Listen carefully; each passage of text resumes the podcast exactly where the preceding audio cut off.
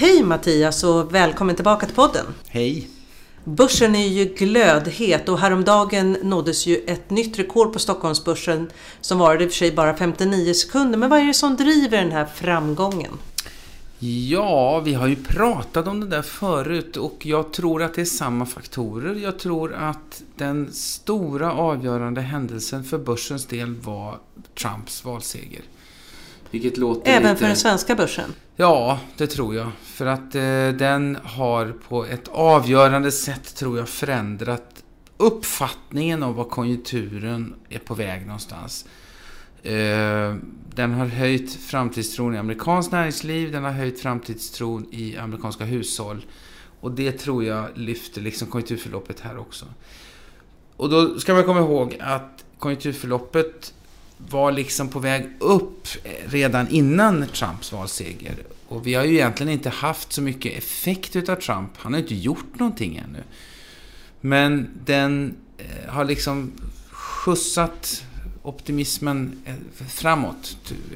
Och det låter lite märkligt att säga det för att det har varit så mycket kontroverser kring Trump och han säger så mycket konstiga saker och en del obehagliga saker. Så det är så lätt att glömma bort. Men, men jag har sagt det förut, titta på framtidstron i företag i USA. Den har fortsatt att stiga. Så det är... Men har det att göra med den här bolagsbeskattningen, att de fortfarande hoppas på den? Ja, en sänkt bolagsskatt. Mm. Och så ska man inte underskatta eh, eh, avregleringar, signaler om att man ska ta bort en massa regleringar för näringslivet. Och så till det kommer också planerna då på finanspolitiska satsningar med infrastruktur och sånt där.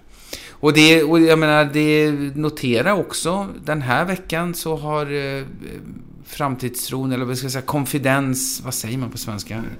Förtroendet? Ja, ja för, för konjunkturen har ju ökat rekordmycket i Europa. Det är ju också anmärkningsvärt. Fast ändå inte. Jag menar, det har varit många år nu av negativ och Golgata-vandring. Det är klart att till slut så känner man väl att nu orkar jag inte vara negativ längre. Så kan det vara.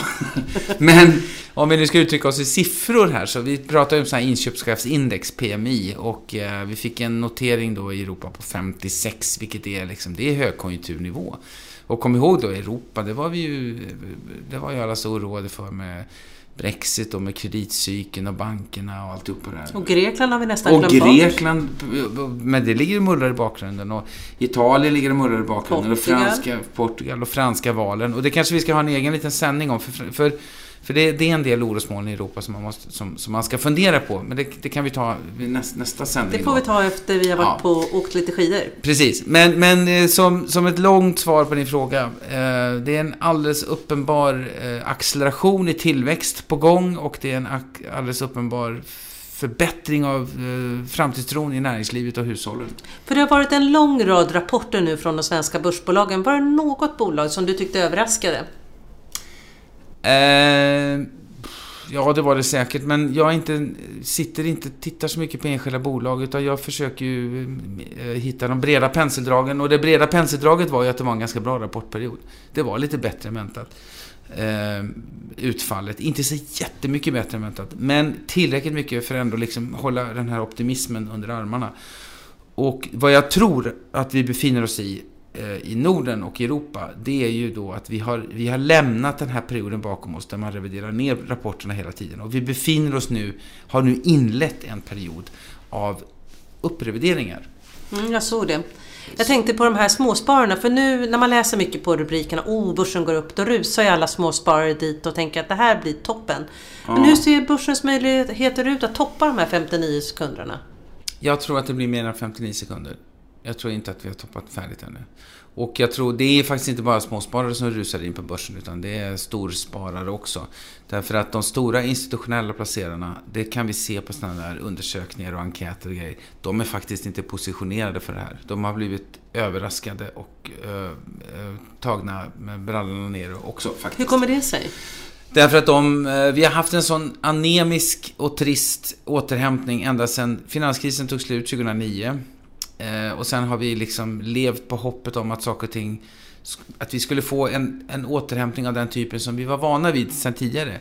Så fick vi inte det. Nu är det 2017. Vi har hållit på i åtta år och harvat och blivit lite småbesvikna. Och mer och mer har vi pratat om, inte minst jag själv, eh, det här ser mer och mer ut som Japan från 90 framåt. Så folk, vad folk har ägnat 6, 7, 8 år åt det är att positionera sig för det. De har köpt tråkiga bolag som ser ut som obligationer.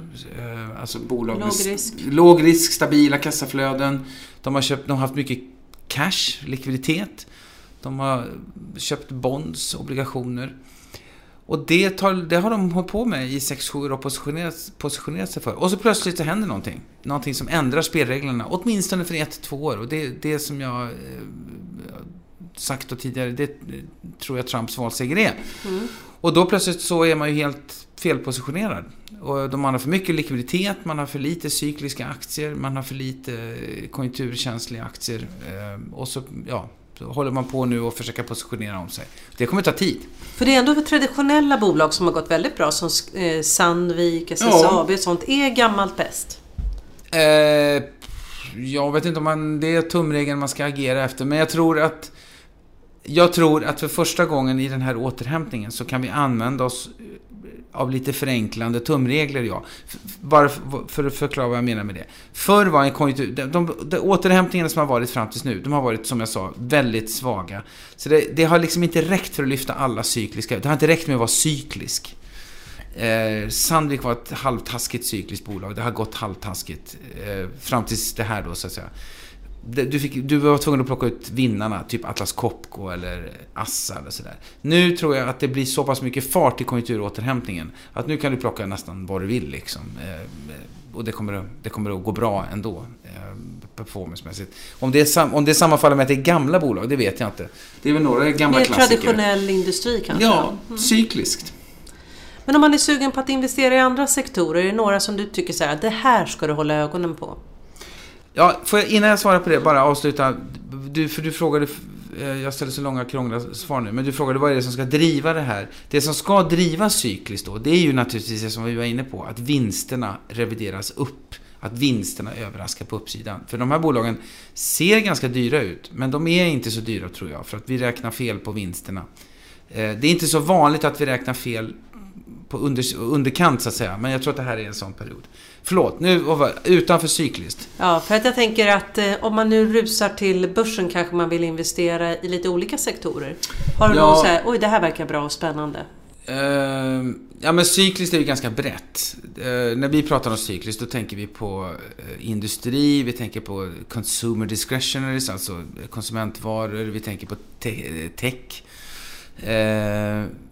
så så det, det, det, det, är ganska, det, det ryms ganska mycket. Eh, jag menar, man, eh, är man lite försiktigt i verkstad så finns det ju massor med intressanta cykliska konsumentvarubolag eller konsumentbolag. Men herregud, H&M är ju ett sånt bolag, eller XXL i Norge till exempel. Så eh, man, kan, man behöver inte bara titta på verkstad. Och, och det, vi har ju också råvarubolag som SSAB till exempel. Så att det blir spännande att följa börsen under de närmaste månaderna i alla fall. Det här blir ett otroligt spännande år. Men det visste, det visste, vi att det skulle bli. Ja, men det sa du faktiskt ja. innan. Eh, men då återkommer vi här om någon vecka och pratar lite om Europa. Ja, absolut. Mm. Vad bra. Tack för att du kom. Tack. Hej.